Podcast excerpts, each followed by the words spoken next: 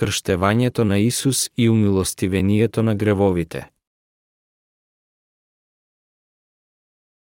Матеја 3, 13-17 Тогаш дојде Исус од Галилеја на Јордан при Јована за да се крсти од него.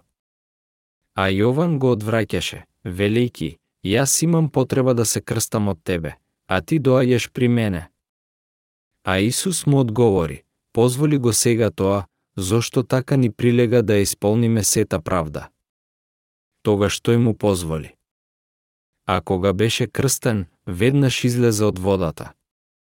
И ете, небесата му се отворија и го виде Духот Божи да слегува како гулоб и да се спушта над него, и ете глас од небесата говореше. Овој е мојот возлюбен син, во кого ми е милината. Во Библија 1999 год. Дали се уште има таков кој страда заради грев? Дали нашето робство на грев заврши? Да. Нашиот Господ Бог ги одсече веругите на гревот за сите луѓе. Сите оние кои имаат тешкоти од грев се робови на гревот, но со неговото искупение, нашиот Господ нив апсолутно ги одсече. Тој ги отстрани сите наши гревови. Дали се уште има некој таков кој страда поради грев? Ние треба да сватиме дека нашата војна против гревот заврши ние нема никогаш повеќе да страдаме заради грев. Нашето робство под грев заврши кога Исус не искупи нас сите со неговото крштевање и крвта. Сите наши гревови завршија тогаш и таму. Синот Божи ги премавна сите наши гревови. Бог исплати за сите наши гревови преку Исус, кој не ослободи нас за секогаш. Дали знаете колку луѓе страдаат заради нивните гревови? Тоа започна од времето на Адам и Ева. Човештвото страда од гревовите наследени од Адам.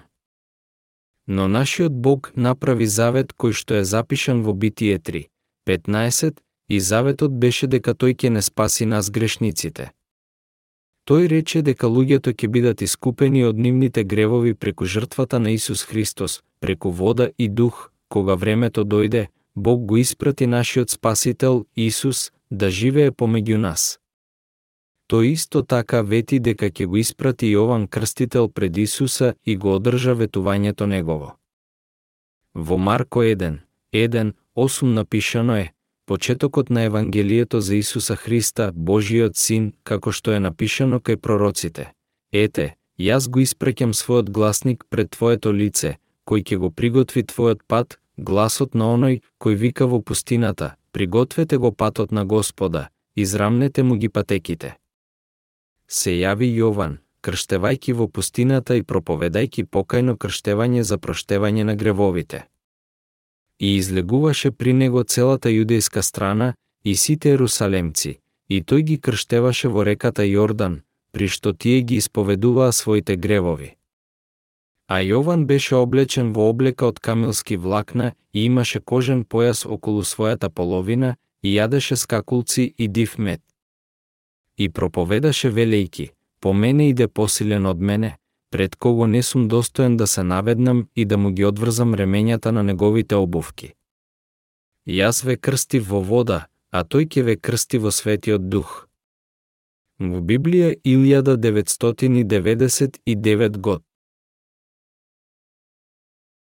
Јован Крстител, сведокот и предвестникот на Евангелието, Јован Крстител. Кој е Јован Крстител? Последниот првосвештеник и представникот на целото човештво. Крштевање на грчки, баптизмо, в суштина значи да потопиш, но исто така се однесува на да се очисти, измие, да се закопа, погреба или да се пренесе на врз. Кога Исус беше крстен, правдата Божја беше исполнета. Правда е текејосен на грчки, кој има значење на да биде праведно и исто така има за значење најправедниот, најдостојниот или највисокиот чин. Исус беше крстен за да тој може да постане спасителот на најдостојниот и најправедниот начин. Заради тоа, оние кои што веруваат во Исусовото крштевање и крстот го примаат дарот на искупението од Бога. Во Новиот Тестамент, Јован Крстител е последниот првосвещеник од Стариот Тестамент. Ајде да погледнеме кај Матеј 11, 10, 11.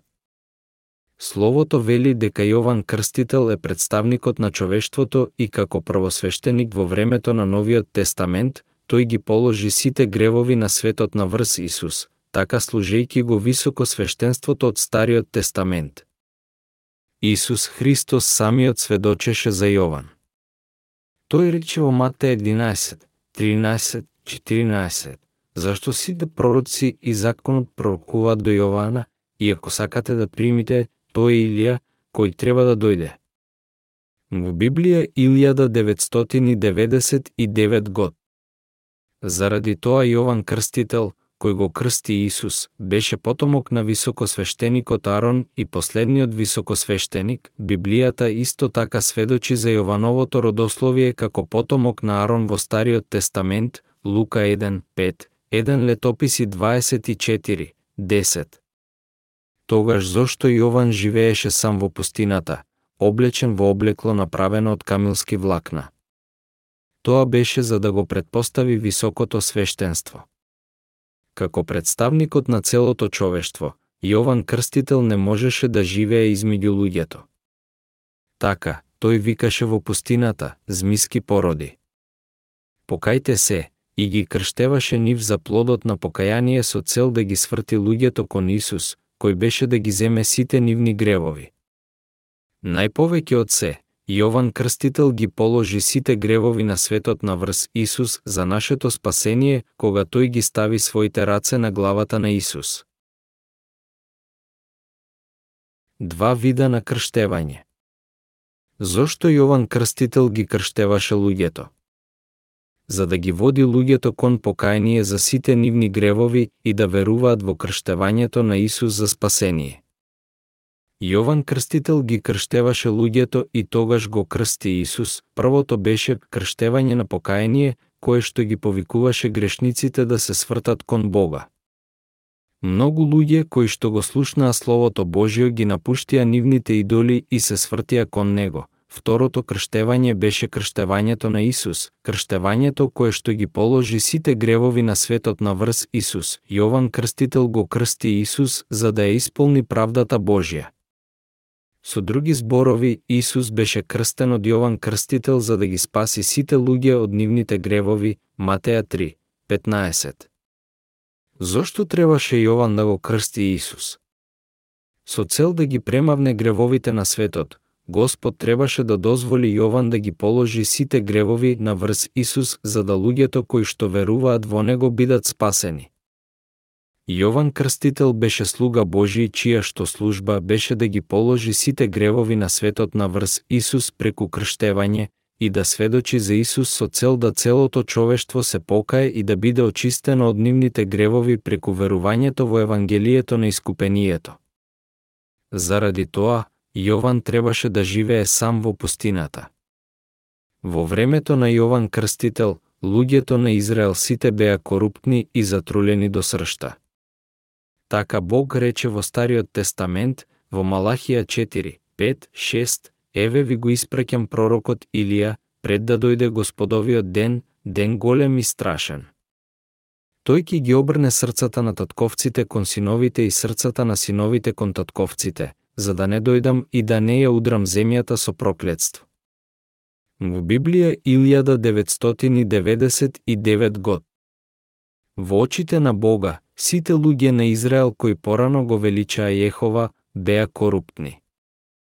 Ниједен да не беше праведен пред него, верските водачи на храмот, за пример свештениците, книжниците и јазичниците беа најособено затрулени до сршта. Израелците и нивните свештеници не ги принесуваа законските жртви според законот Божи, свештениците го напуштија рацеполагањето и ритуалот на принесувањето на крвта, кое што Бог им го даде нив за помирување на нивните гревови.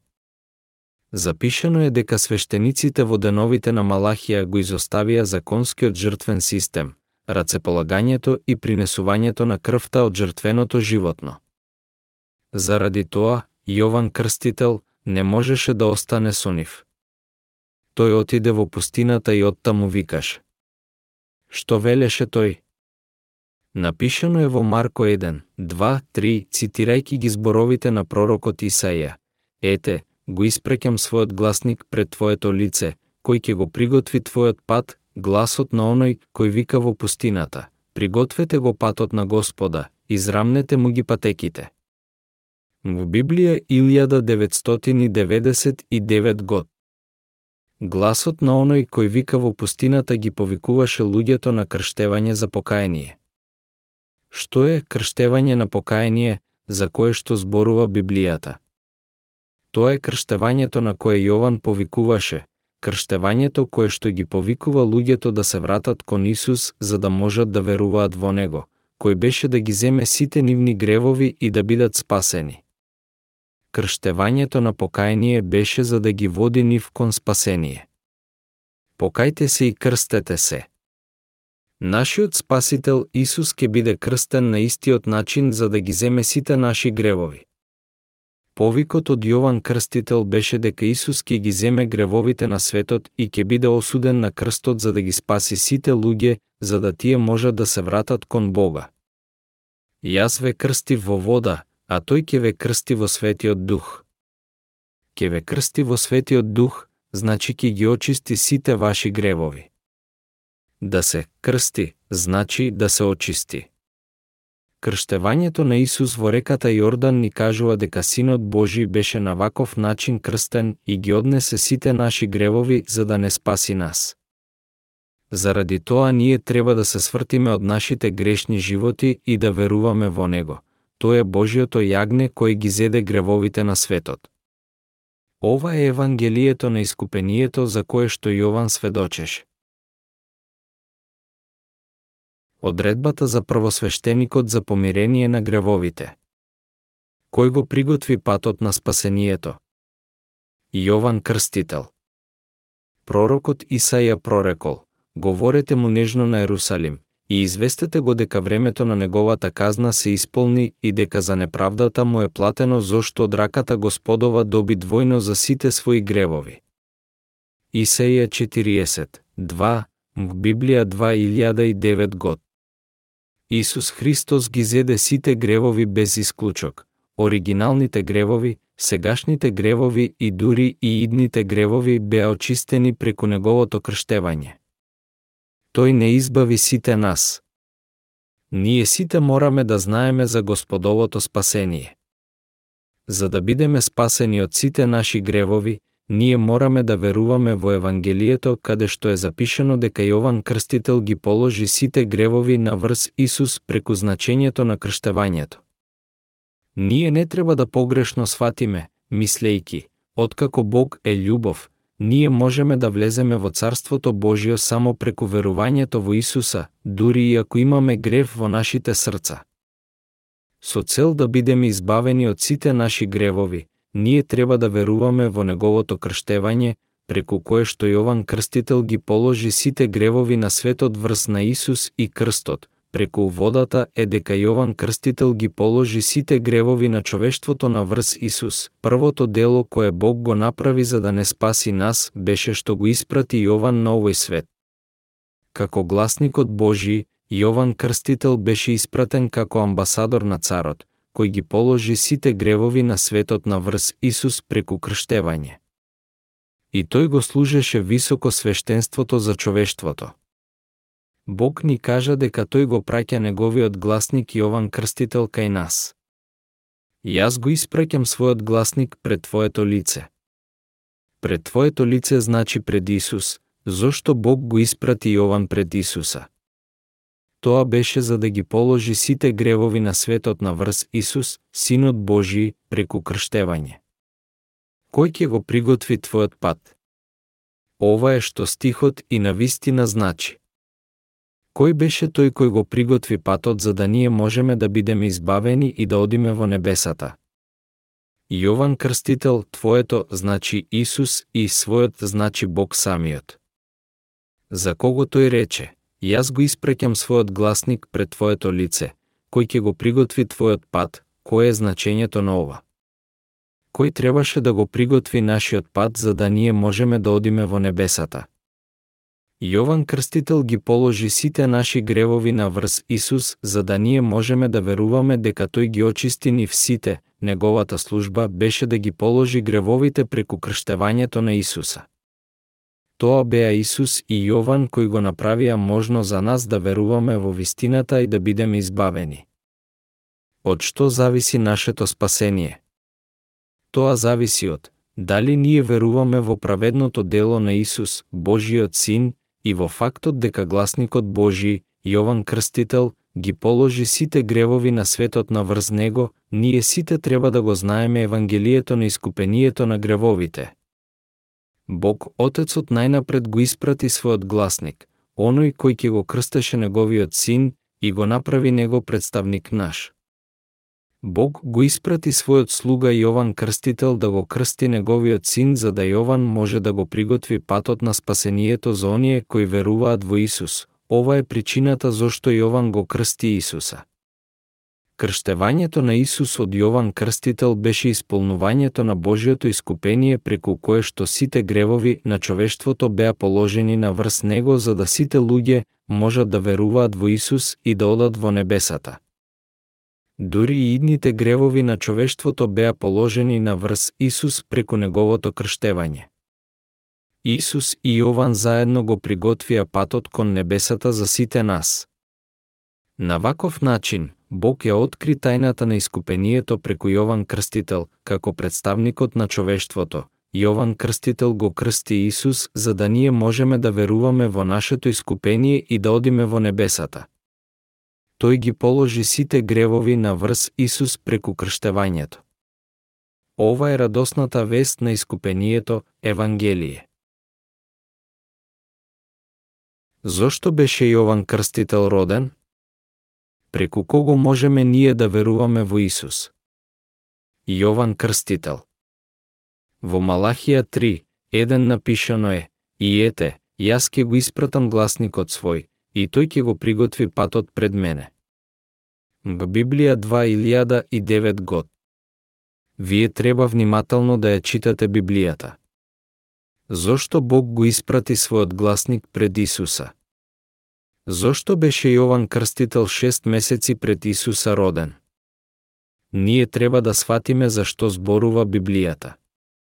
Во Стариот тестамент стои одредбата за првосвещеникот Арон – Арон беше постариот брат на Мојсей. Бог ги одреди Арон и неговите синови да му служат како свештеници. Другите левити работеа под нив, донесувајќи им ги избраните прибори, правејќи тестенина за лебот и така натаму, додека синовите на Арон ги принесуваа жртвите внатре во светото место. Ароновите синови беа одредени да служат секој еднаква служба, но на денот на големото очистување, на десеттиот ден од седмиот месец, само првосвещеникот принесуваше жртва за умилостивение на гревовите на неговите луѓе. Во Лука 1, 5 напишана е приказна за родословието на Јован Крстителот. Ние правилно треба да го разбереме овој гласник Божије за да можеме јасно да го сватиме Исуса. Ние сме наклонети многу да размислуваме за Исус, но игнорираме многу за Јован Крстител кој дојде пред него, Јас сакам да ви помогнам да разберете. Почетокот на Евангелието за Исуса Христа, Божиот Син, како што е напишано кај пророците. Ете, јас го испреќам својот гласник пред твоето лице, кој ќе го приготви твојот пат Марко 1. 1-2, Библија 1999 год.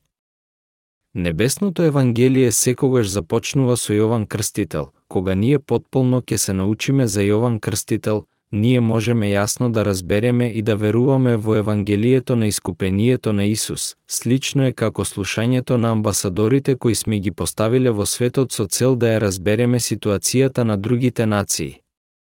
Кога ние знаеме за Јован Крстител, ние можеме многу добро да го разбереме искупението Божјо. Колку жално е, меѓутоа, дека толку многу христијани на денешницава не ја гледаат значајноста на Јован. Бог не го испрати Јован од досадување или пак зашто немаше што друго да прави. Сите четири евангелија во Новиот Тестамент зборуваат за Јован Крстител пред да зборуваат за искупението на Исус, но евангелистите на денешниот ден потполно го негираат Јован Крстител и им велат на луѓето дека само верувањето во Исус е доволно да се биде спасен. Тие всушност ги водат луѓето да живеат како грешници целиот нивен живот и завршуваат во пеколот. А ако сите христијани само веруваат во Исус без да ја разберат улогата на Јован Крстител, христијанството ќе постане едноставно некаква светска религија. Како можете да сте избавени од гревовите кога не ја знаете вистината? Тоа не е можно. Евангелието на искупението не е така едноставно нити пак е лесно. Многу мислат дека нашето искупение лежи во нашата вера во крстот затоа што Исус умре на крстот за нас. Меѓутоа, ако вие верувате само во неговото распнување без да ја знаете целата вистина на положувањето на гревовите, ваквата вера нема да ве води кон целосно искупение, без разлика колку силна вашата вера би била. Бог го испрати Јован за да му каже на светот како искупението ќе биде извршено и како Исус ќе ги однесе сите гревови на светот. Само кога ние ја знаеме целата вистина, ние ќе сватиме дека Исус е Божји син, кој ги одзеде сите наши гревови на врз себе. Јован Крстител ни кажува нас за вистината на искупението. Тој ни кажува како тој дојде да сведочи дека Исус е Бог и вистинската светлина. Тој исто така сведочеше во Јован 1 дека тој беше кој го приготви Евангелието на искупението преку тоа што го крсти Исуса Христа. Ако не го имаме сведоштвото на искупението од Јован Крстител, тогаш како можеме ние да веруваме во Исус? Ние никогаш не сме го виделе Исус, и откако ние сме од различни култури и религии, како е можно да веруваме во Ехова како наш Бог? Покрај вака многуте религии во светот, како можеме ние да веруваме во Исус? Како можеме да знаеме дека Исус беше Божиот син кој не избави нас од земањето на сите гревови на светот на врз себе си? Ние треба да побараме во Стариот Тестамент за да ги најдеме зборовите на искупението од самиот почеток за да знаеме дека Исус е наш Спасител. Ние треба да го присвоиме правилното знаење за да имаме правилна вера. Нема ништо што можеме да направиме без вистинско знаење. Со цел да веруваме во Исус и да бидеме спасени, ние треба да го знаеме Евангелието на искупението за кој Јован Крстител сведочеше и неговата улога во тоа. За да имаме целосна вера во Христа, ние треба да ја знаеме вистината за искупението. Затоа, како што Исус рече, и ќе ја познаете вистината и вистината ќе ве ослободи, ние треба да ја знаеме вистината за искупението на Исус. Доказите во Библијата Од кој момент почнуваат четирите Евангелија? Од доаѓањето на Јован Крстител. Ајде да продолжиме да ја истражуваме Библијата за сите докази за искупението. Ајде да откриеме што четирите Евангелија велат за Јован Крстител, кој беше тој. Зошто тој беше наречен представник на човештвото или првосвештеник? Како сите гревови на светот беа положени на врз Исус преку него? И дали Исус ги зеде сите наши гревови на врз себе или не ги зеде? Ние треба да обрнеме внимание на фактот дека сите четири евангелија започнуваат со Јован Крстител во Јован 1. 6 стои еден од најважните факти во Евангелието. Овде ни кажува нас кој ја изврши службата на пренесување на сите гревови на светот на врз Исус. Имаше еден човек, по име Јован, пратен од Бога, тој дојде за сведоштво, да сведочи за светлината, да сите да поверуваат преку него, еден Јован 1, 6-7, Библија 1976 год. Вели, за сите да поверуваат преку него и дека тој беше, да сведочи за светлината. Светлината е Исус Христос, значи дека Јован сведочеше за Исус за да сите поверуваат преку него. Сега, ајде да поблиску погледнеме во Матеја глава 3. Во Матеја 3, 13-17, Тогаш Исус дојде од Галилеја до Јордан при Јована, за да се крсти од него. А Јован го одвраќаше, велејки, јас имам потреба да се крстам од тебе, а ти доаѓаш при мене. А Исус му одговори, позволи го сега тоа, зашто така ни прилега да исполниме сета правда. Тогаш тој му позволи. А кога Исус беше крстен, веднаш излезе од водата. И ете, небесата му се отворија и го виде Духот Божи да слегува како гулоб и да се спушта над него. И ете, глас од небесата говореше. Овој е мојот возлюбен син, во кого ми е милината. Во Библија 1999 год. Зошто ние треба да го разбереме родословието на Јован? Затоа што Библијата ни кажува дека Јован е високосвештеникот на целото човештво. Јован Крстител го крсти Исус за да се исполни искупението на сите гревови на светот. Крштевањето кое Исус го прими од Јован беше најзначајниот доказ за нашето спасение. Но за да ја разбереме и да ја сватиме целата вистина во потполн детаљ, ние треба прво внимателно да го поучиме Јован Крстител.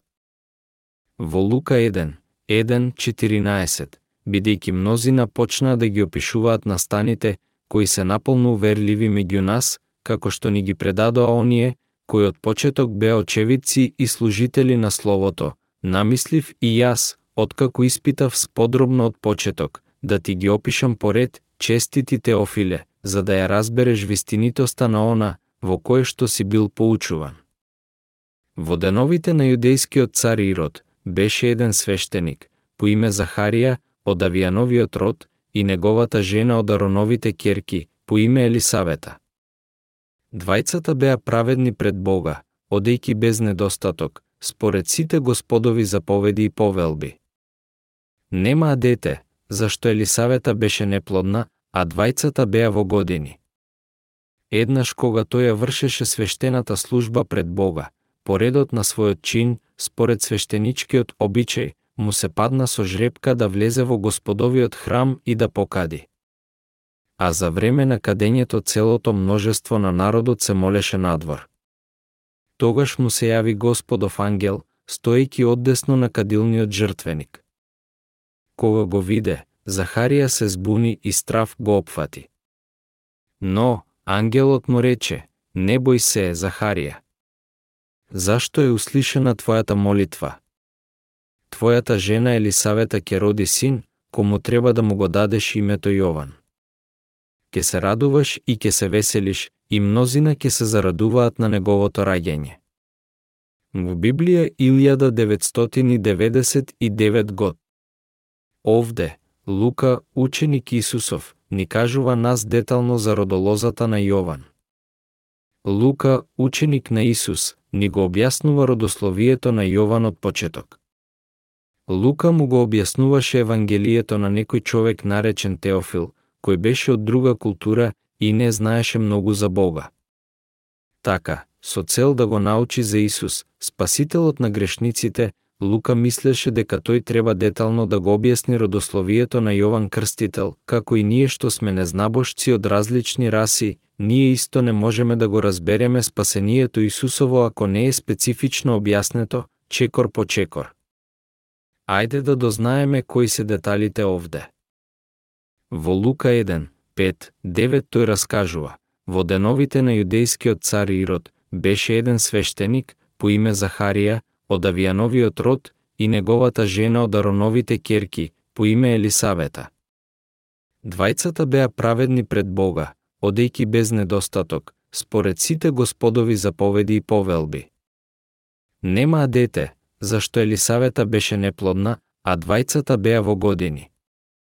Еднаш кога тој ја вршеше свештената служба пред Бога, поредот на својот чин, според свештеничкиот обичај, му се падна со жребка да влезе во господовиот храм и да покади. Во Библија 1999 год. Овде се случува случка додека Захарија му служеше на Бога според обичајот на свештенството. Лука сведочи јасно дека Захарија е потомец на Арон, тогаш на која поделба, ред, му припаѓаше Захарија. Ова е многу значајна точка. Тој објаснува, еднаш кога тој служеше пред Бога по својот ред. Можеме да видиме дека Лука многу добро знаеше за Захарија, затоа што го објасни Евангелието на искупението спомнувајќи ги обајцата Захарија и Елисавета. Јован Крстител беше роден од Захарија и неговата жена Елисавета, која беше една од керките на Арон. Сега, ајде да погледнеме на родолозата на Захарија, таткото на Јован. Родолозата на Јован Крстител Чиј потомец беше Јован Крстител? Арон, првосвещеникот. За да ја разбереме родолозата на Јован Крстител, ние треба да го читаме Стариот Тестамент во еден летописи 24, 1.19. Еве го и распоредот на синовите Аронови, Ароновите синови, Надав, Авиут, Елеазар и Итамар. Надав и Авиут умреа пред таткото свој, а синови нема, затоа свештено действува Елеазар и Итамар. И Давид ги распореди, Садока, од синовите Елеазарови и Авимелеха, од синовите и Тамарови, според редот на службите нивни. И се најде, дека меѓу синовите Елеазарови имаше повеќе старешини, отколку меѓу синовите и Тамарови. И тој ги распореди вака, од синовите Елеазарови 16 старешини, а од синовите и Тамарови 8. А ги распоредуваше со жреб, зашто старешините во светилиштето и старешините пред Бога беа од синовите Елеазарови и од синовите Итамарови, и ги запиша Семаја, синот на Танаилов, писар од левитите, пред лицето на царот и кнезовите и пред свештениците Садока и Авимелеха, Авиатаровиот син, и пред старешините на свештеничките и левитските домови, кога се фрлаше жреб, зедоа еден од Елеазаровиот род, потоа зедоа еден од Итамаровиот род. Првиот жреб падна на Јоарима, вториот за Једија, третиот за Харива, четвртиот за Сеорима, петтиот за Мелхија, шестиот за Мејамина, седмиот за Акоса, осмиот за Авија, деветтиот за Исуја, десеттиот за Сехенија, единаесеттиот за Елиасива, дванаесеттиот за Јакима, тринаесеттиот за Офаја, четиринаесеттиот за Јасваја, петнаесеттиот за Велгија, 16-тиот, за Емира, 17-тиот, за Езира, 18-тиот, за Афисиса, 19-тиот, за Фетија, 20-тиот, за Језекиила 21 за Јахина, 22 за Гамуила, 23 за Далеја, 24 за Леила. Тоа беше нивниот ред при службата нивна за доаѓање во домот Господов, според наредбата за нив, наредено од таткото нивни Арона, како што му беше заповедал Господ, Бог Израилев. МГ Библија 1990 год. Ајде повторно да го прочитаме стихот 10. Седмата на Акос, осмата на Авија. Во деновите на царот Давид имаше многу свештеници и исто така имаше потреба да се воспостави некаква регулација за нивните систематични служби. Така, Давид стави жребка за секој еден од синовите на Арон за да жртвата биде поред принесувана. Како што знаете, Арон беше постариот брат на Мојсеј. Бог го одреди Мојсеј како негов агент, а Арон како негов високо свештеник на светиот шатор пред народот на Израел. Сите други левите беа поставени под свештениците и под Арон, а свештениците Ароновите синови се грижеа за сите жртви пред Бога. Давид постави жребка за сите нив, свештениците, кои што беа потомци на Арон, тие требаа секогаш да тргаат жребка и тоа им донесуваше голема збрканост. Заради тоа Давид воспостави систем со кој одреди поделба за секој ред. Имаше 24 поделби во секој ред со потекло од внуците на Арон, и осмиот беше Ави, речено е, еден свештеник по име Захарија, од редот Авијанов. Така Захарија беше свештеник од редот Авијанов, И тие беа двајцата потомци на Арон првосвештеникот, Захарија беше свештеникот од редот Авијанов, кој беше татко на Јован Крстител. Ние знаеме од Библијата дека тие во брак стапуваа со особа од фамилијата. Така Јаков се ожени со керката на неговиот војко, од братот на мајка му. Ова е објаснувањето на родословието кое има презначајно значење. Вели, еден свештеник од редот Авијанов. Заради тоа тој дефинитивно беше потомец на Арон, кој? Захарија, таткото на Јован Крстител, ова е важен факт во објаснувањето на искупението на Исус и службата на Јован Крстителот и положувањето на сите гревови на светот на врз Исус. Синовите на Арон ке служат како свештеници. Кој требаше да служи како првосвештеник во времето на Стариот Тестамент? Арон и неговите одредени потомци. Тогаш каде во Библијата е специфирано дека синовите на Арон треба да служат како свештеници? Ајде да го побараме ова.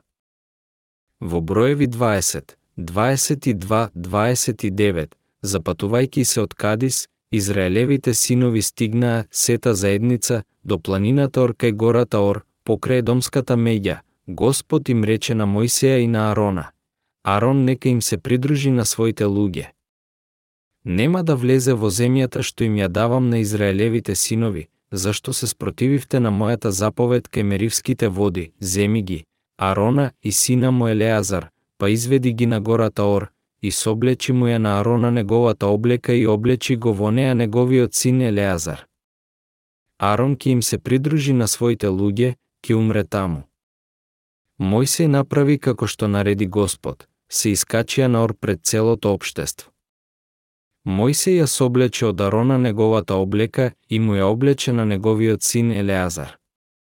Арон почина таму, на врвот на гората а Мојсеј и Елеазар слегоа од гората. Целото обштество виде дека Арон почина, и сиот Израелев дом го оплакуваше Арона 30 денови. Во Библија 1999 год.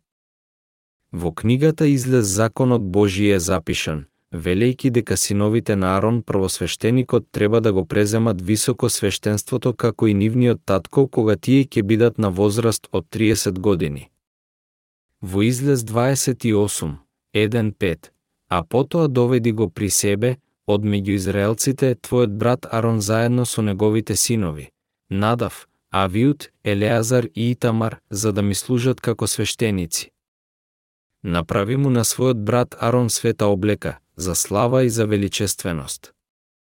Обрни им се на сите вешти луѓе, кои ги надарив со мудрост, нека му направат облека на Арона, за да се посвети и за да ја врши свештеничката служба во моја чест. Нека ја направат следнава облека, врзградник, наплетник, наметка, кошула обрабена со реси, капа и појас, нека направат света облека за твојот брат Арон и за неговите синови, за да ми служат како свештеници. Затоа тие нека примаат злато, љубичесто, црвено и темноцрвено предено и препреден лен, Во Библија 1999 год. Бог јасно го одреди Арон, братот на Мојсей, за високо свештенство. Свештенството не беше отворено за некој друг човек. Бог му заповеда на Мојсей да го посвети Арон како високо свештеник и да направи соодветна облека за него како што Бог определи. Ние никогаш не треба да ги заборавиме зборовите Божии. Исто во излез 29, 1.9, ова е обредот што ќе го извршиш врз нив, за да ги посветиш за мои свештеници. Земи еден јунец и два овна без недостатоци, потоа пресен леп, пресни колачиња замесени во масло и бесквасни кори намачкани со масло. Направи ги од чисто пченично брашно. Нареди ги во кошница и принеси ги во кошницата со јунецот и двата овна доведи ги Арона и неговите синови до влезот во шаторот на средбата и изми ги во вода. Потоа земи ја облеката и облечи го Арона во кошула, стави ги врз неа на метката на наплекникот, наплекникот и врзградникот и препаши го преку ефодот. Сложи му ја капата на главата, на капата сложи го светиот венец. Потоа земи масло за помазание, излеј го врз неговата глава и помажи го. Тогаш доведи ги неговите синови, облечи ги во кошулите, препаши ги со појасите Арона и неговите синови и завитка им ги капите. Свештенството нека им припаѓа според вечна одредба. Така посвети ги Арона и неговите синови. Во Библија 1999 год. Препаши ги со појасите Арона и неговите синови и завитка им ги капите. Свештенството нека им припаѓа нив според вечна одредба. Така посвети ги Арона и неговите синови. Бог определи специфично дека само Арон и неговите синови требаа да бидат посветени за вечна служба на свештенство. Кога тој специфично рече, според вечна одредба, тоа се однесува на свештенството кое беше ефективно дури после доаѓањето на Исус на овој свет. Лука објаснува длабоко дека Захарија беше потомок на Арон првосвештеникот. Кога Захарија служеше како свештеник според одредбата пред Бога во храмот Божи, ангел му се појави и му рече дека неговата молитва е сослушана, дека неговата жена Елисавета ќе му роди син. Захарија не можеше да поверува и рече, жена ми е застарена во своите дни. Заради неговото двоумење, Бог го направи да биде нем за кратко за да покаже дека неговите зборови се вистина. Во меѓувреме, неговата жена забремени и после некое време, девицата Марија, девица, исто така забремени. Двата случаја беа приготвеното дело Божио за нашето спасение. Со цел да го спаси злобното човештво, тој требаше да го испрати неговиот гласник Јован и неговиот единороден син Исус на овој свет. Заради тоа Бог го крсти неговиот син од Јован со цел да ги положи сите гревови на светот на врз него, за да тие кои што веруваат во него да бидат спасени. Специјалното провидение Божје Кого Бог прво го приготви пред Исус за делото на неговото искупение. Јован Крстител Исус Христос беше спасителот на човештвото, кој беше роден преку телото на девицата Марија. Марија беше свршена со Јосиф, кој беше потомец од Јуда. Исус требаше да биде роден преку потомецот на Јуда за да се исполни заветот Божи, исто како што и Јован Крстител мораше да биде роден во куќата на Арон, првосвештеникот, Бог ги приготви двајцата да бидат родени на овој свет. На тој начин, Јован пред Исус. Јован беше роден за да тој може да го крсти Исус и да ги положи на врз него сите гревови на светот. Потомецот од првосвештеникот требаше да ја принесува жртвата за умилостивение со цел да се исполни Божиот завет, направен во Стариот и во Новиот Тестамент, Евангелието на искупението на Исус требаше да биде извршено правилно за да сите луѓе бидат ослободени и искупени. Во излез, Бог им ги даде на Израел неговиот закон и завети, законите Божии и жртвениот систем на шаторот, се до облеката на свештениците, деталите на жртвите и наследувањето на свештенството на синовите на свештениците. Бог ги одреди Арон и неговите потомци за високо свештенството за вечност. Заради тоа сите потомци на Арон требаа да принесуваат жртви, и високосвештеници можеа да бидат само од куќата на Арон.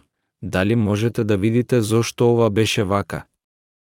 Помеѓу многу потомци на Арон, Бог одбра еден свештеник наречен Захарија и неговата жена. Тој рече, ете го испрекам својот гласник пред твоето лице. Кога Бог му кажа на Захарија дека тој ќе ја овозможи на Елисавета да добие син и дека тој требаше да му стави име Јован, тој беше толку очуден да тој постана нем според неговата заповед се додека синот не беше роден и именуван. Навистина син беше роден во неговата куќа. Кога беше време да се именува детето според обичајот на Израел, обичај беше детето да биде именувано на татка си или на некој роднина. А на Елисавета и дојде време да роди и роди син и кога незините соседи и роднини чуја дека Господ и укажа голема милост, се радуваа со неа.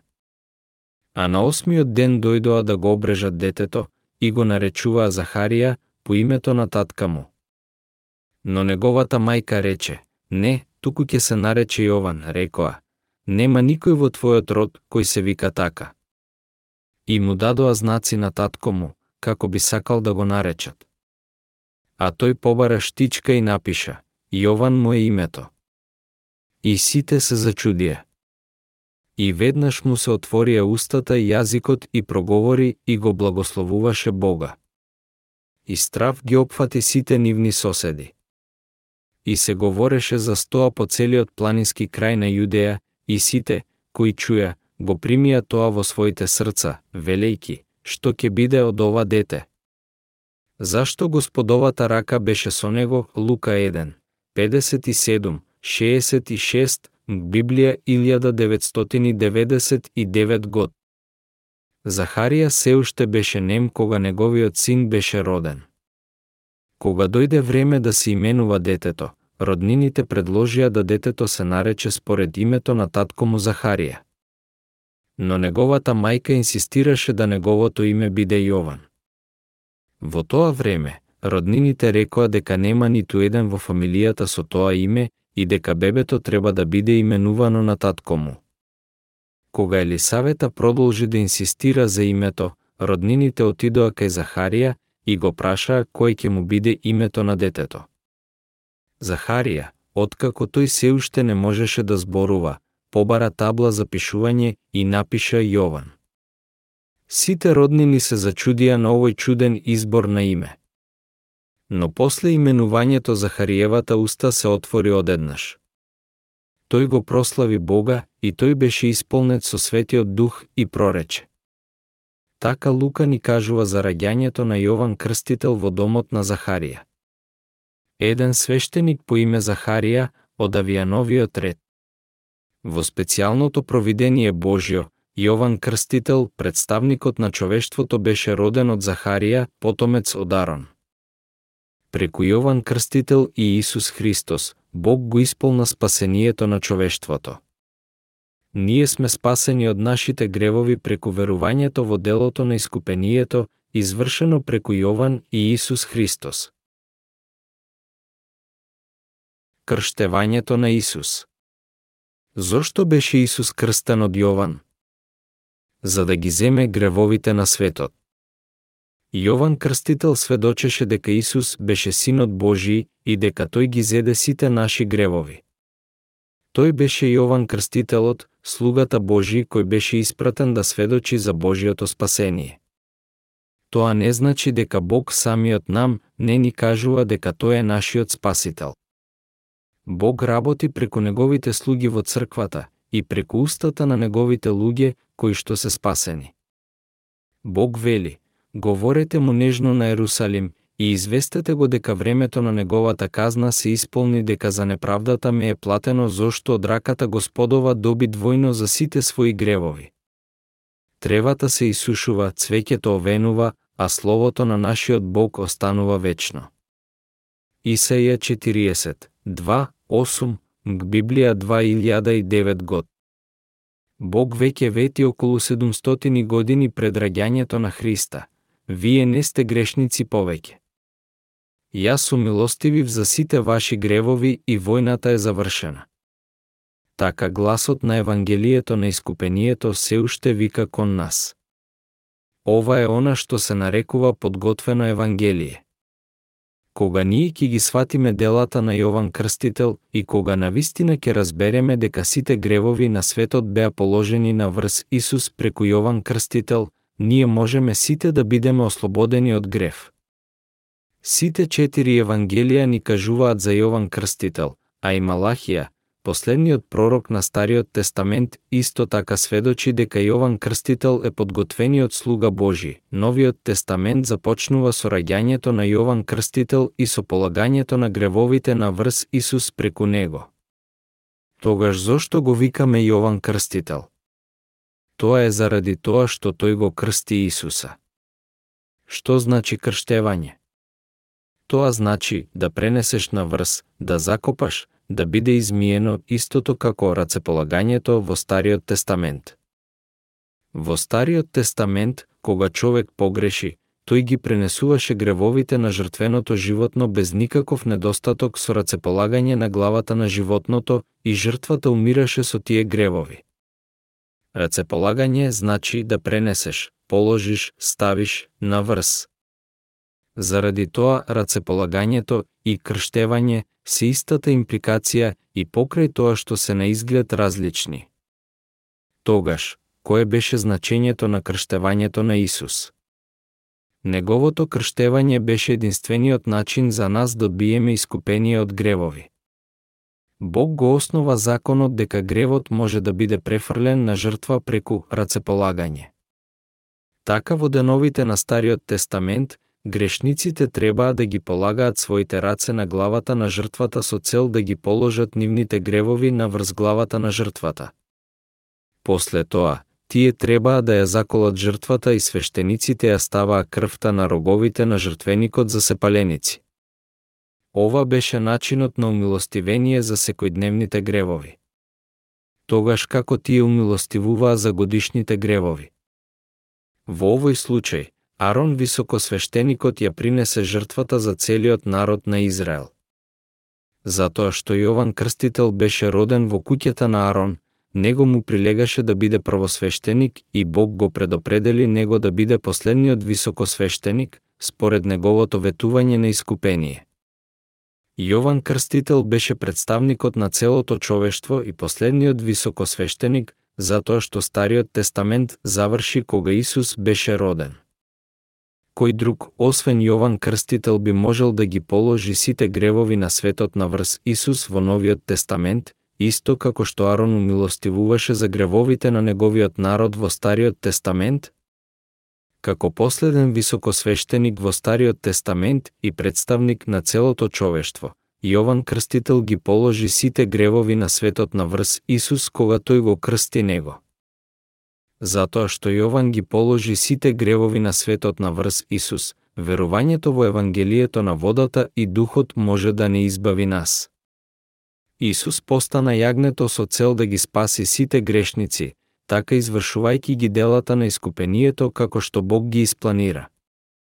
Исус ни кажа нас дека Јован Крстител беше последниот пророк, последниот високо свештеник кој ги положи сите гревови на светот на врз него. Зошто Исус не можеше тоа самиот да го стори?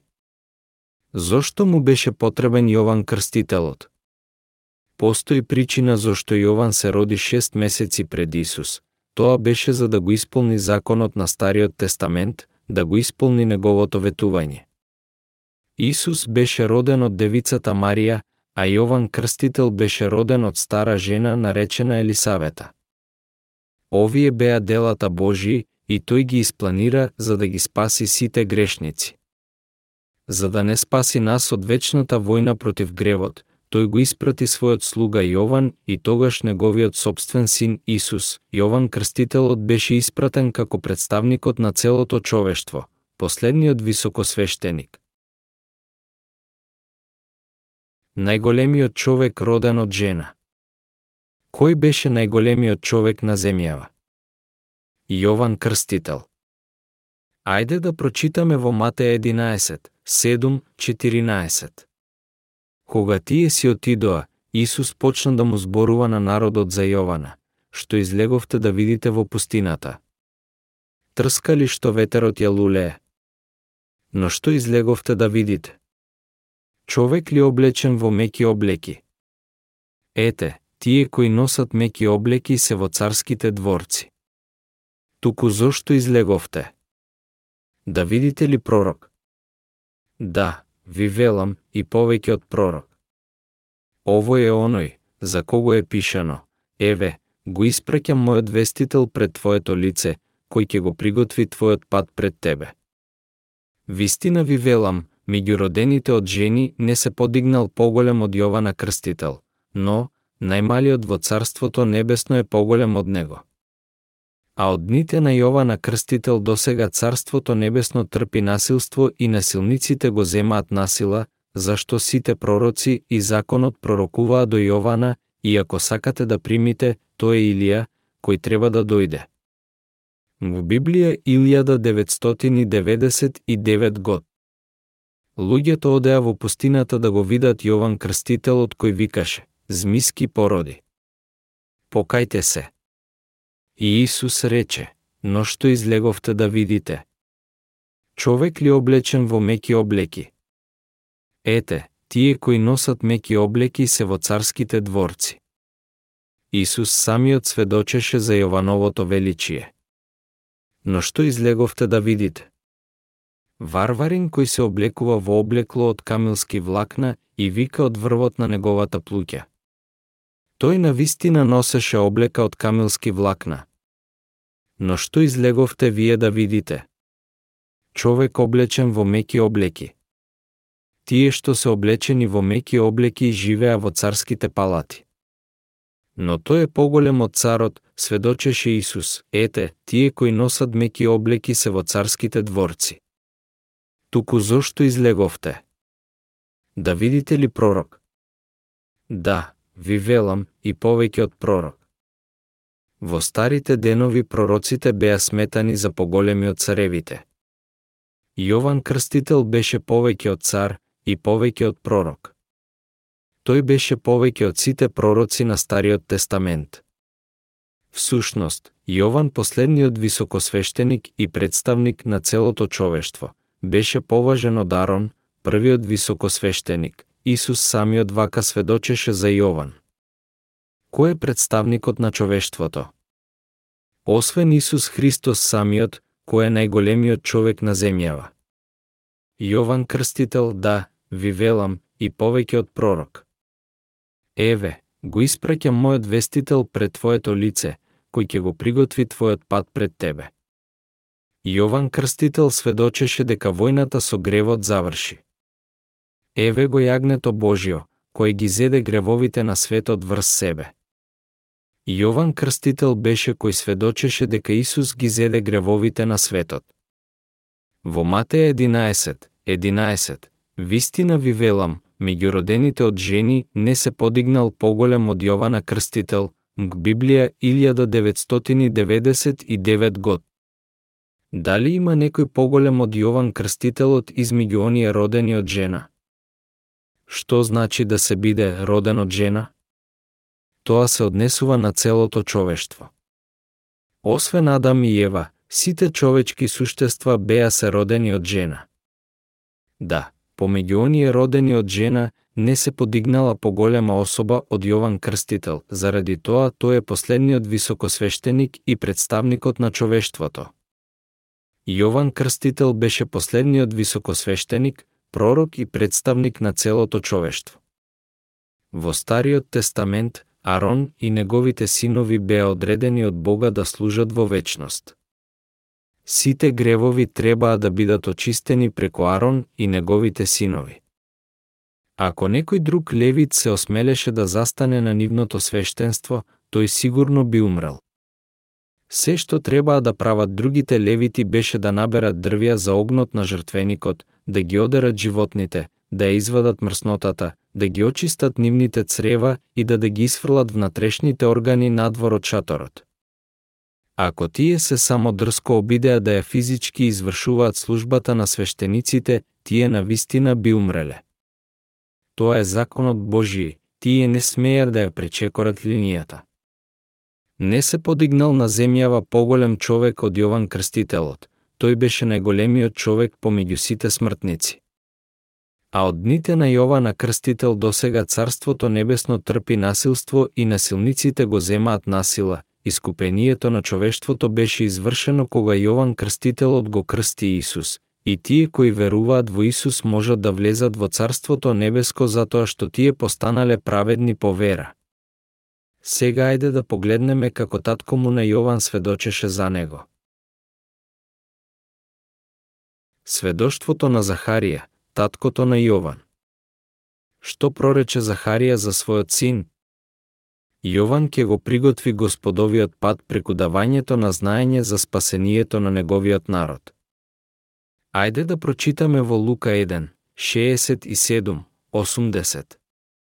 А Захарија, татко му се исполни со дух свети и пророкуваше, говорејки, Благословен е Господ, Бог Израилев, оти го посети и избави народот свој и подигна рог за нашето спасение во домот на Давида, својот слуга, како што говореше преку устата на своите свети пророци од векот, дека ќе не избави од непријателите наши и од рацете не сите што не мразат, за да ја пројави својата милост над татковците наши и се сети на светиот завет свој, на клетвата со која му се заколна на Аврама, нашиот татко.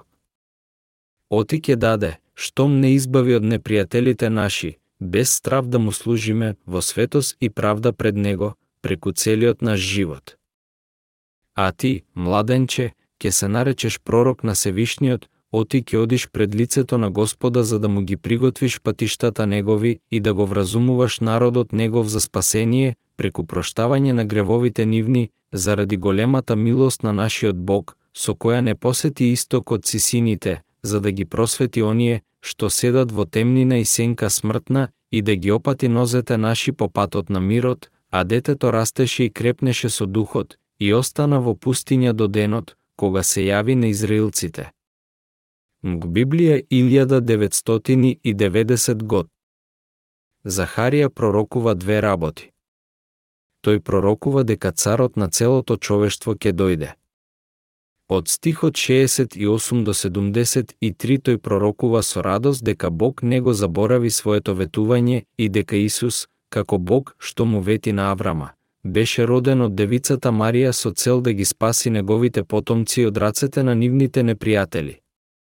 Од стихот 74, оти ке даде, штом не избави од непријателите наши, без страв да му служиме, Мг Библија 1990 год. Ова е подсеќавање на ветувањето Божјо на Аврам и на луѓето на Израел, и тој пророкува, дека ќе ни даде да му служиме без страв. Од стихот 76, тој прорекува за својот син. А ти, младенче, ќе се наречеш пророк на Севишниот, оти ќе одиш пред лицето на Господа за да му ги приготвиш патиштата негови и да го вразумуваш народот негов за спасение, преку проштавање на гревовите нивни, заради големата милост на нашиот Бог, со која не посети исток од висините, за да ги просвети оние, што седат во темнина и сенка смртна, и да ги опати нозете наши по патот на мирот. Мг Библија 1990 год. Овде тој вели да го вразумуваш народот негов за спасение преку проштавање на гревовите нивни. Преку кого тој рече дека познавањето на спасението требаше да биде дадено. Преку Јован Крстителот, дали можете ова сега да го видите? Јован Крстител, преку Словото Божјо, требаше да ни даде нас познавање за Исус, Синот Божи, кој ги зеде гревовите на светот. Сега ајде да погледнеме кај Марко 1. Почеток на Евангелието за Исуса Христа, Божиот Син, како што е пишано кај пророците. Ете, јас го испреќам својот гласник пред Твоето лице, кој ќе го приготви Твојот пат, гласот на оној, кој вика во пустината. Пригответе го патот на Господа, израмнете му ги патеките. Се јави Јован, крштавајки во пустината и проповедајки покајно крштавање за проштавање на гревовите. И излегуваше при него целата јудејска страна и сите ерусалимци, и тој ги крштаваше во реката Јордан, при што тие ги исповедуваа своите гревови. Марко 1, 1.5, Библија 1999 год. Кога израелците слушнаа од Јован Крстителот, тие се свртија од обожавањето на идолите на безбожците и беа крстени од Јован Крстителот, но Јован сведочеше. Јас ве крштевам со вода за да вие се вратите кон Бога. Но Синот Божи ќе дојде и ќе биде крстен од мене за да сите ваши гревови бидат на врз него положени на истиов начин. И ако вие верувате во неговото крштевање како и што сте крстени од мене, сите ваши гревови ќе бидат положени на врз него, исто како што и гревовите беа положувани на жртвата со рацеполагање на неа во Стариот Тестамент. Тоа беше што Јован сведочеше.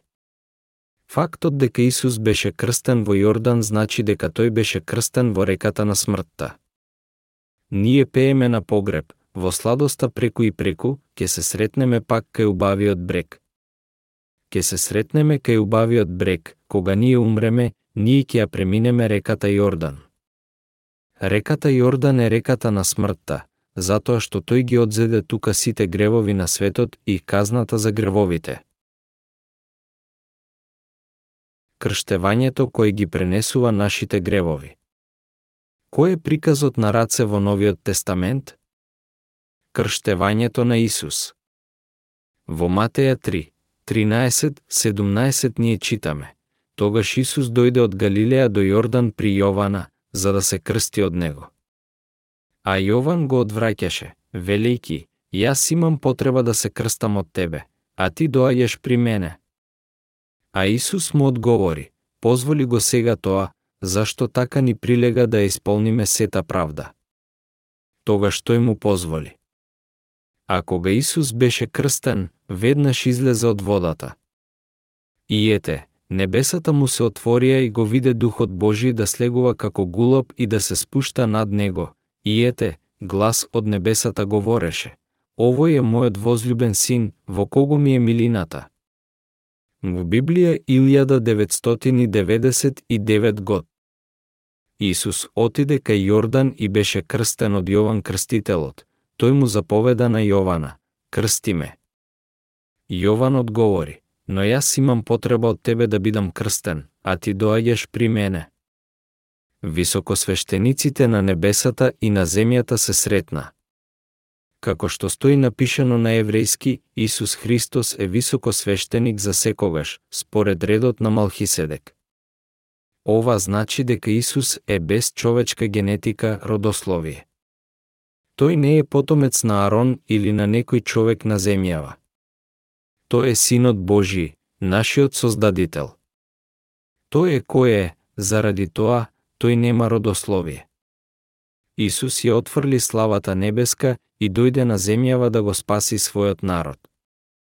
Причината зошто тој слезе на земјава беше да ги спаси сите грешници кои страдаа од измамите на сатаната. Во дополнение, тој ги однесе сите гревови на светот со тоа што беше крстен од Јован Крстител, а Исус му одговори, позволи го сега тоа, зашто така ни прилега да ја исполниме сета правда. Тогаш тој му позволи. Позволи го сега тоа. Позволи го. Исус го одреди представникот на целото човештво и ја понизи неговата глава за да биде крстен. Во Стариот Тестамент, кога жртва беше принесувана на Бога, или грешникот или свештеникот ги поставуваа своите раце на низината глава и ги положуваа гревовите. Да ги ставиш рацете, значи да пренесеш. Јован Крстителот го крсти Исус. Тоа беше исто како и рацеполагањето во Стариот Тестамент. Да положиш пренесеш, да биде закопано, да биде измиено и жртвувано се едно исто. Новиот тестамент е суштината додека Стариот тестамент неговата сенка. Кога грешникот ги полагаше своите раце на јагнето во Стариот тестамент, неговиот грев беше положен на врз јагнето и јагнето требаше да биде заколено. Кога јагнето беше мртво, тоа беше закопано. Гревовите на оној кој ги стави рацете на јагнето беа положени на жртвеното животно, за да тоа можеше да биде заколено заради гревот. Ако гревовите беа положени на врз јагнето, можеше ли оној ако ги положи на врз него според жртвениот систем да биде без грев? Да.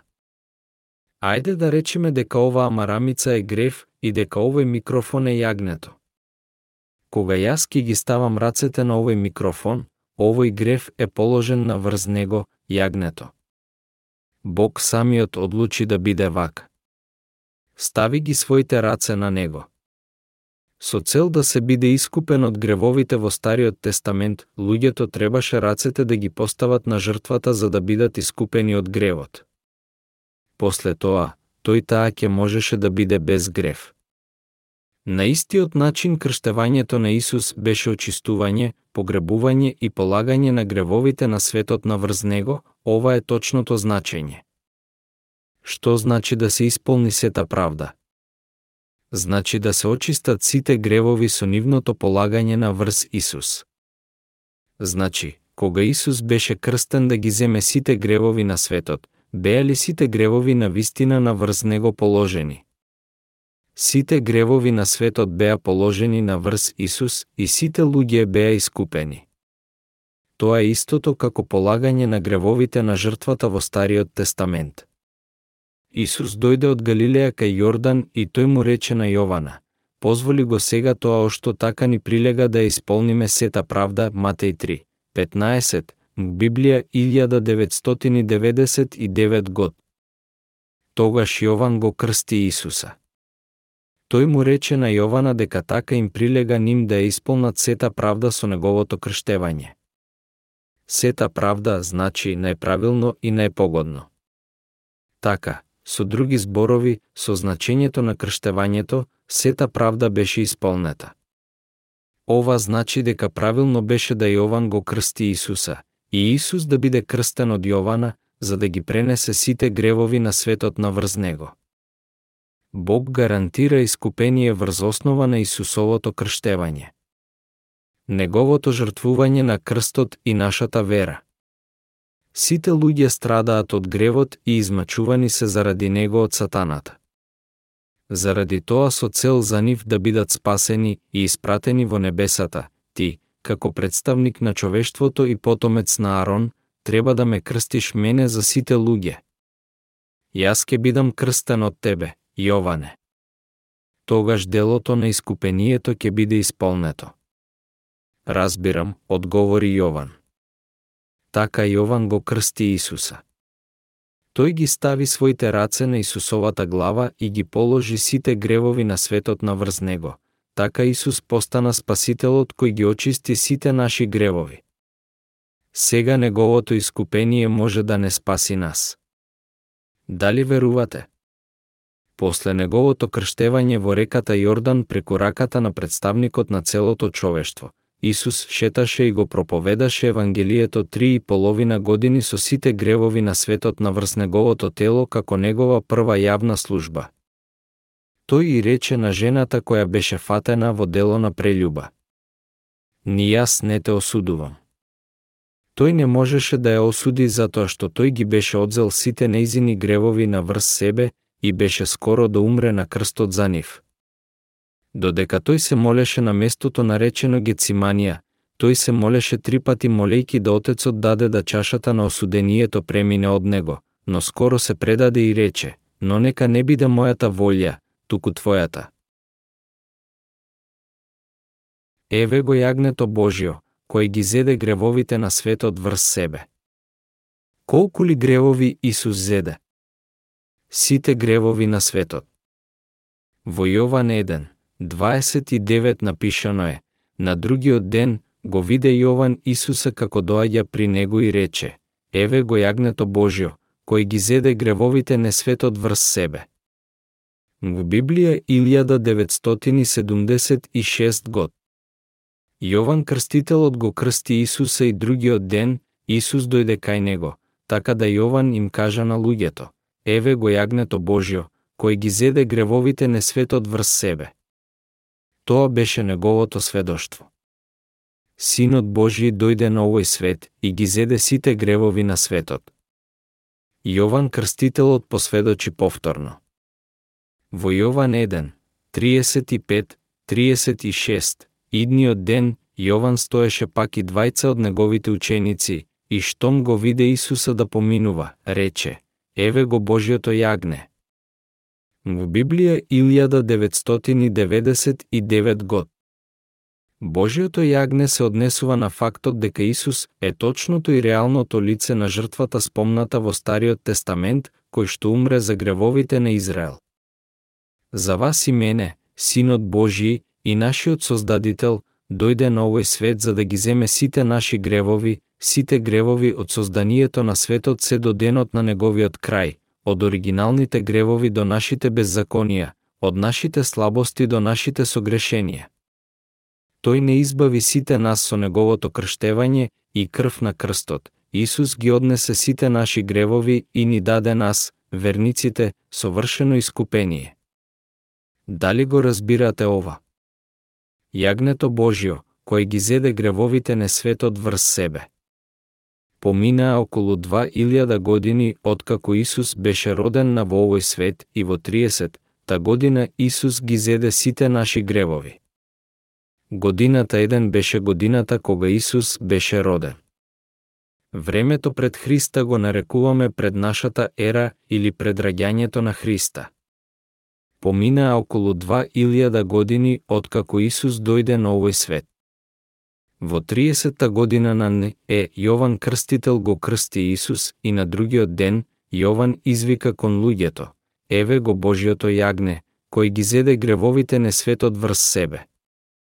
Во Библија 1976 год. Тој им велеше на луѓето да веруваат во Исуса кој ги однесе сите нивни гревови. Тој сведочеше дека Исус беше Божиото јагне, оној кој не спаси нас од сите наши гревови. Исус ги однесе сите наши гревови и ја прекина вечната војна против гревот. Сега ние сме без грев, откако Синот Божи ги однесе нив. Јован Крстителот сведочеше дека Исус ги одзеде сите наши гревови, моите и вашите гревови. Тој дојде за сведоштво, за да сведочи за светлината, да сите да поверуваат преку него Јован 1, 7, Г. Библија 1999 год. Како можеме ние без сведоштвото на Јован да знаеме дека Исус ги зеде сите наши гревови? Библијата ни кажува нас често дека Исус умре за нас, но само Јован јасно сведочи дека тој ги зеде сите наши гревови. Колку гревови се гревовите на светот? Сите гревови на човечките суштества од почетокот до крајот на светот. Многу сведочеа за фактот на крштевањето после Исусовата смрт, но само Јован сведочеше додека тој беше жив. Нормално, учениците на Исус исто така сведочеа за искупението на Исус, тие сведочеа дека Исус ги зеде сите наши гревови, дека тој е наш спасител. Исус ги зеде гревовите на светот. Сега читателе, вие се уште не сте 100 години стар или сте. Исус ги однесе гревовите на светот кога имаше 30 години. Ајде да речеме дека беше 4000 години пред доаѓањето Исусово дека првиот човек беше создаден. И да е само малку поминато од 2000 години откако Исус дојде. Ние не знаеме колку долго светот ќе трае, но сигурно е дека крајот ќе му дојде. Тој вели, јас сум алфа и омега, почеток и свршеток, првиот и последниот, Откровение 22, 13, Библија 1990 год. Така сигурно ќе има крај. Ние сега сме на моментот означен како година 2010. Христос ги зеда нашите гревови во 30, та година на не е, и тоа беше три години пред да умре на крстот, еве го Божиото јагне, кој ги зеде гревовите на светот врз себе. Тој ги одзеде гревовите на светот, гревовите мои и ваши. Ние сега сме 2000 години понатаму од раѓањето на Исус и го живееме нашиот живот скоро 2000 години откако Исус ги зеде нашите гревови. Ние се уште живееме и ден за ден извршуваме гревови, меѓутоа Исус е Божиото јагне кое што веќе ги однесе гревовите на светот. Ние почнуваме да живееме и да грешиме на овој свет од моментот на нашето раѓање. Дали ние сите грешиме од моментот на нашето раѓање или не сите? Да ние сите грешиме, ајде да го поминеме целиот процес. Од денот на нашето раѓање до нашата десета година, дали грешиме или не? Да ние грешиме, сега, дали тие гревови беа положени на врз Исус или не? Да, тие беа. Откако сите наши гревови беа положени на врз Исус, тој е наш спасител. Ако не, како може тој да биде наш спасител? Сите гревови беа положени на врз Исус од 11 до 20 година, дали ние грешиме или не. Ние грешиме во нашите срца и со нашите дела. Ние сме многу добри во тоа.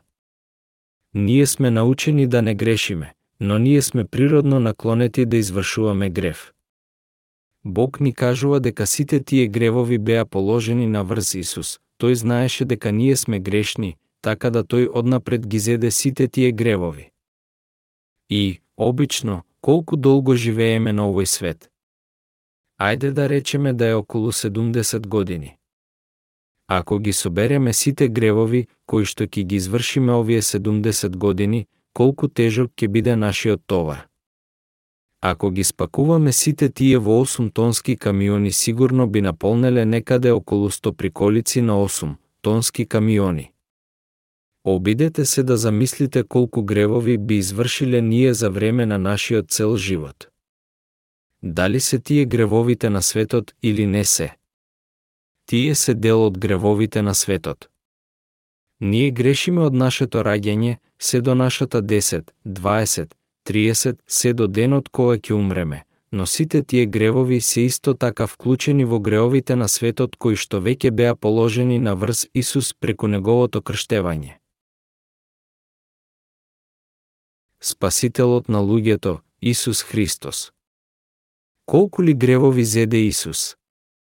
Сите гревови на нашите предци, нашите гревови и на нашите потомци се до крајот на светот. Исус ни кажува нас дека тој дојде во месото за да ги очисти сите тие гревови. Но Исус не можеше да се крсти себе си, така Бог го испрати својот слуга Јован пред него, одбраниот представник на целото човештво. Како што е напишано, името ќе му биде чудесен советник, силен Бог, вечен татко, кнез на мирот. Преку него самиот, преку неговата мудрост и преку неговиот совет, тој го испрати представникот на човештвото најпрво, и Исус самиот, Синот Божи, дојде во тело за да ги однесе сите гревови на светот. Нели е ова прекрасно спасение на Божиото длабоко провидение? Прекрасно е или не е? Така само што беше крстен од Јован Крстител, тој ги очисти сите гревови на човештвото од целиот свет и го избави секој еден од гревот со тоа што беше распнат, еднаш за секогаш. Тој не спаси сите нас. Размислете малку за тоа. Ајде да ги погледнеме сите наши гревови од 20-та до 30-та година, од 30 до 40-та година, од 40 до 60-та година до 70-та до 100 година и исто и гревовите на вашите деца. Дали тој ги премавна сите овие гревови или не? Да, тој ги премавна. Тој е Исус Христос, Спасителот на човештвото.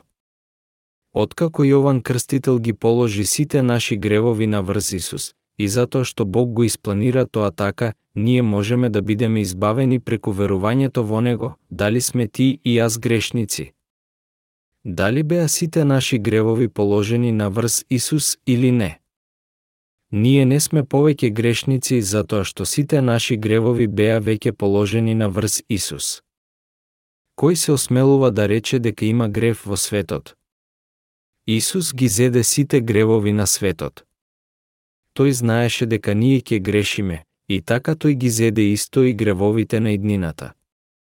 Некои од нас се уште не се 50 години стари и дури некои не го проживеале ниту половина од нашиот живот, но некои од нас вклучувајќи се и себе си зборуваме како да ние ќе живееме вечно.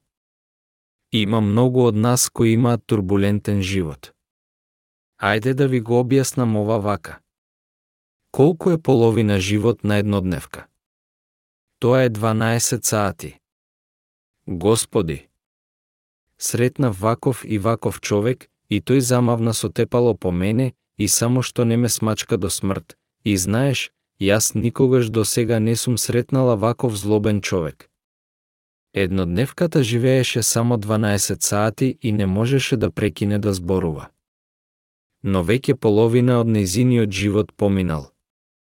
Околу 7 или 8 навечер се среќава со самракот на незиниот живот и наскоро смртта. Некои еднодневки преживуваат 20 часови, некои 21 час, а други пак доживуваат зрел живот на 24 часа. Тие можат да зборуваат за нивните долги доживувања, но како тоа ни изгледа нас? Кога сме ние 70 или 80 години стари, ние може би би рекле, не правиме да се смеам. Нивното доживување не значи ништо во нашите очи. Ајде сега да ја примениме оваа приказна со релацијата измеѓу Бога и нас. Бог е вечен. Тој живее во вечноста. Тој го одредува почетокот и крајот на светот. И тој живее вечно, тој живее во вечноста надвор од рамката на времето на вечноста. Тој гледа на нас од погледот на неговата вечност. Еднаш многу одамна, тој ги зеде сите гревови на светот, умре на крстот и рече, се сврши. Тој воскресна на третиот ден и се вознесе на небесата. Тој сега престојува во вечноста. Сега, тој гледа на секој еден од нас. Некој човек може би би рекол, ах, Господи, јас толку многу погрешив. Дури и покрај тоа што сум само 20 години имам толку гревови. Јас живеам 30 години до сега и веќе сум толку многу погрешил. Тоа е едноставно премногу. Како можам јас некогаш да бидам без грев? Но нашиот Господ во неговата вечност вели, не правиме да се смеам, јас не само што ги искупив твоите гревови до сега, туку ги однесов и гревовите на твоите предци кои пред тебе беа родени, и гревовите на сите генерации на твоите поколенија кои ќе живеат после твојата смрт. Тој ова ти го вели од неговата рамка на вечноста. Дали верувате во ова? Верувајте и примете го дарот на спасението кој ви е даден бесплатно.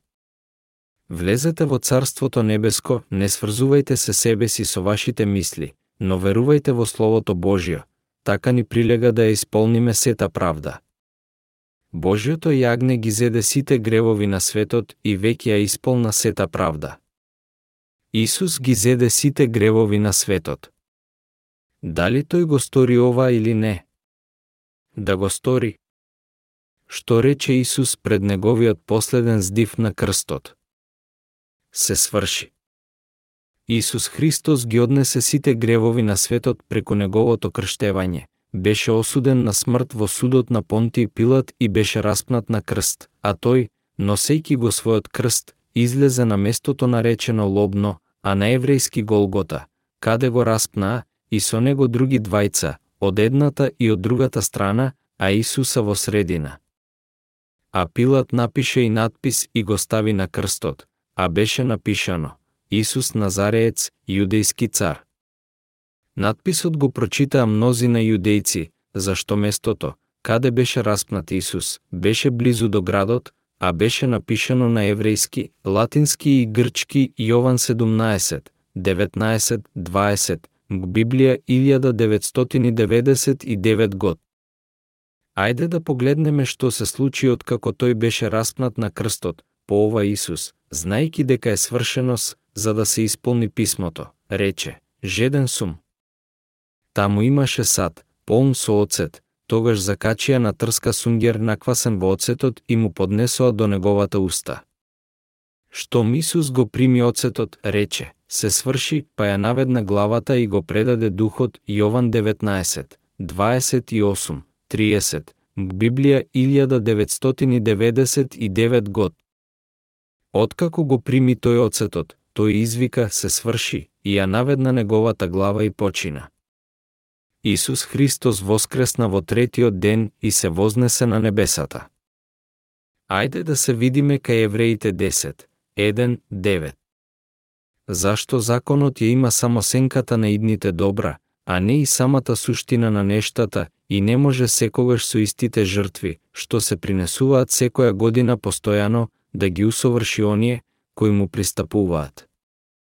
Инаку би престанале да ги принесуваат, зашто не би биле свесни за гревови оние кои служејки така, еднаш се очистени.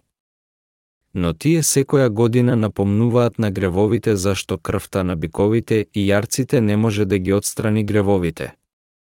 Затоа, влегувајки во светот вели, жртви и приноси ти не посака, но ми приготви тело. Спалениците и жртвите за грев не ти беа угодни.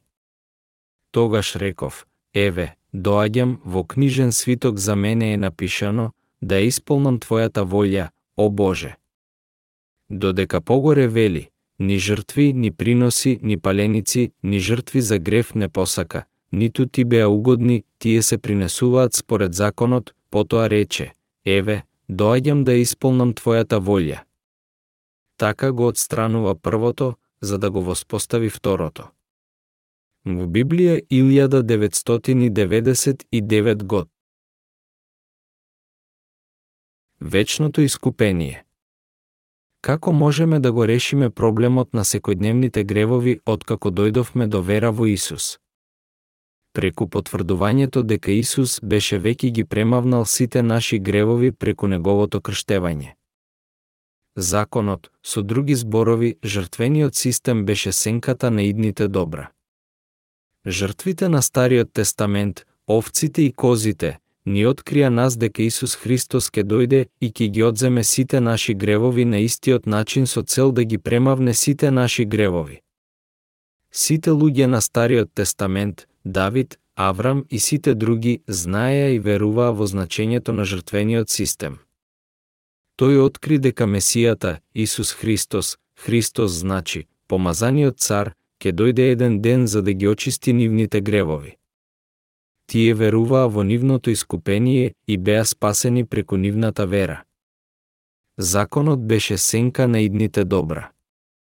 Принесувањето на жртви за нивните гревови секој ден, година за година не можеа никогаш да ги целосно искупат нив. Заради тоа, совршеното и вечното суштество, оној без недостаток, Божиот син требаше да дојде на земјава. Исус Христос рече дека тој дојде за да ја изврши волјата Божја како што е запишано во Словото, кое што беше напишано од Него. Еве, доаѓам да исполнам Твојата волја. Така го отстранува првото, за да го воспостави второто. Ние сме искупени од сите наши гревови, како што е напишано во Стариот Тестамент, и затоа што ние веруваме во Него, ајде да прочитаме пак во Евреите 10, 10. Според таа волја осветени сме преку приносот на телото на Исуса Христа еднаш за секогаш. Во Библија 1999 год. Според таа волја осветени сме преку приносот на телото на Исуса Христа еднаш за секогаш. Дали сме ние осветени или не? Ние сме осветени, што значи ова? Бог Отецот го испрати неговиот син и ги положи сите гревови на врз него преку неговото крштевање. Тој го прими и го осуди него еднаш и за секогаш на крстот, така тој не избави сите нас кои страдавме од гревот. Тоа беше волја Божја. Со цел да не избави нас, Исус се жртвува себе си како вечна жртва еднаш за секогаш, за да ние бидеме осветени. Ние сме веќе осветени за тоа што Исус се жртвува себе си за сите наши гревови и умре за нас, за да ние не бидеме осудени.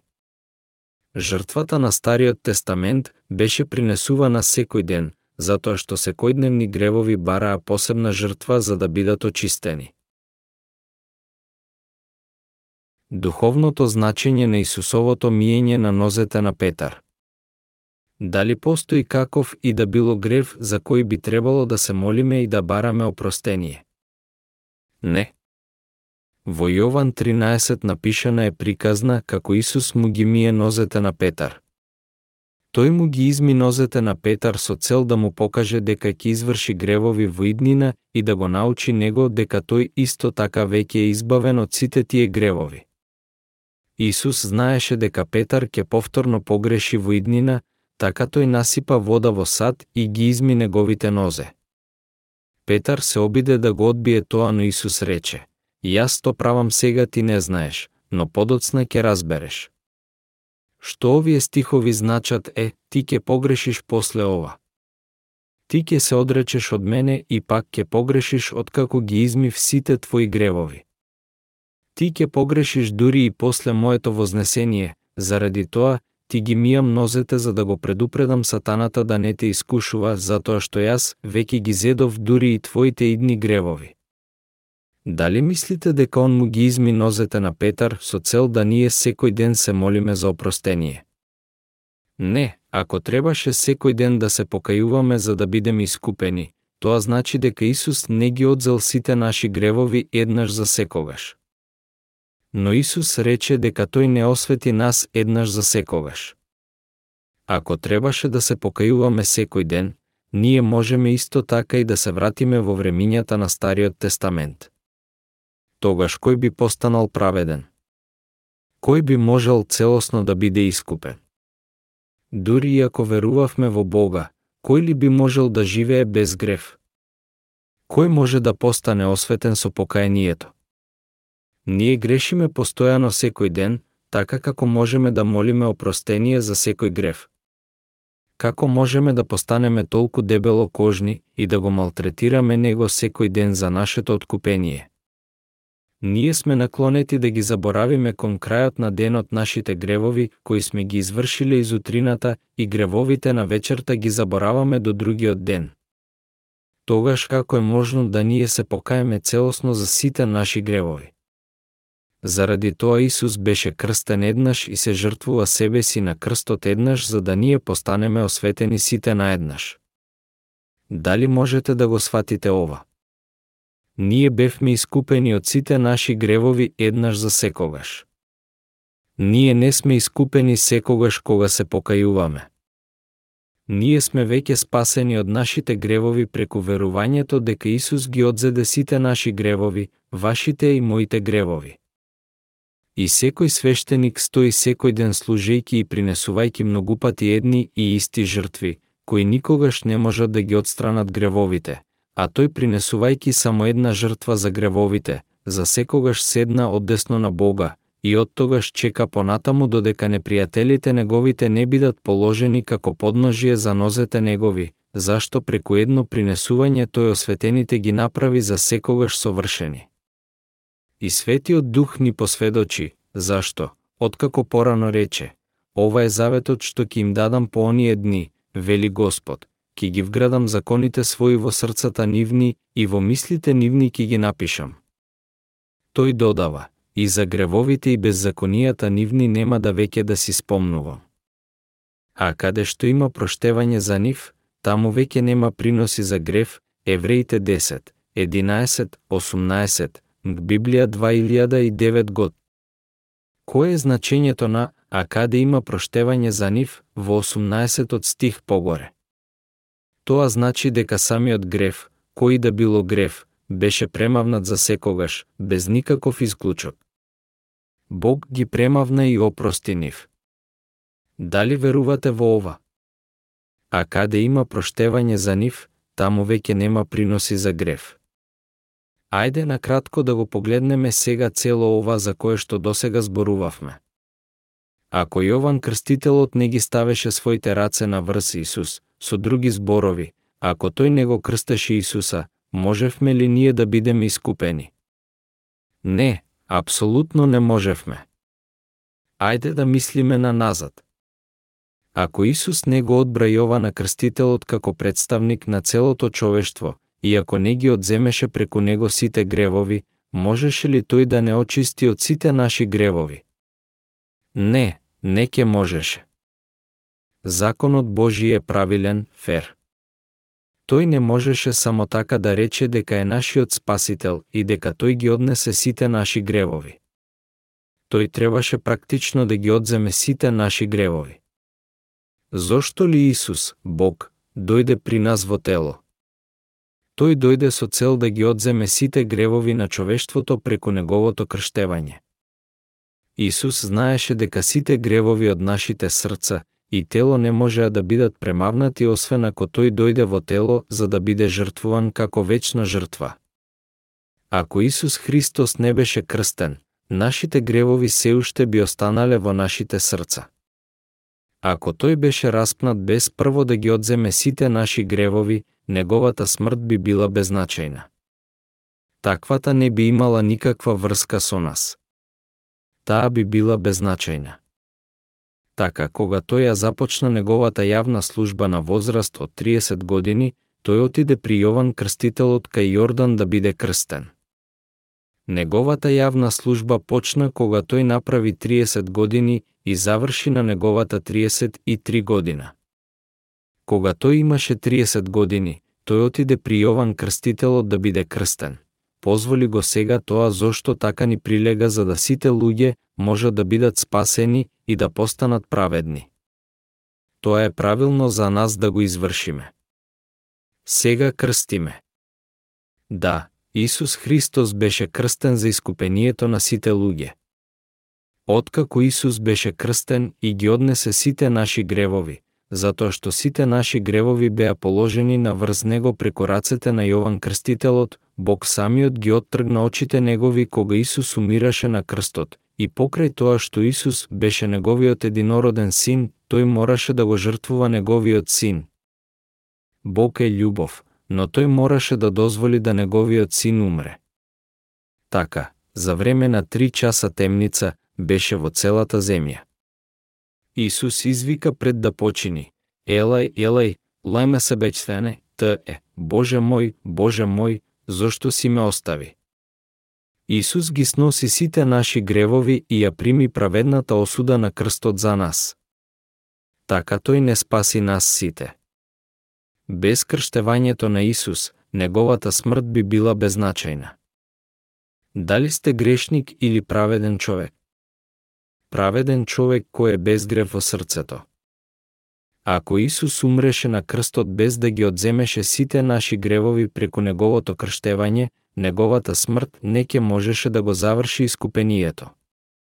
Со цел да нас несовршено искупи, Исус беше крстен од Јован, представникот на целото човештво, и го прими осудението на крстот за да сите оние кои што веруваат во него да бидат спасени.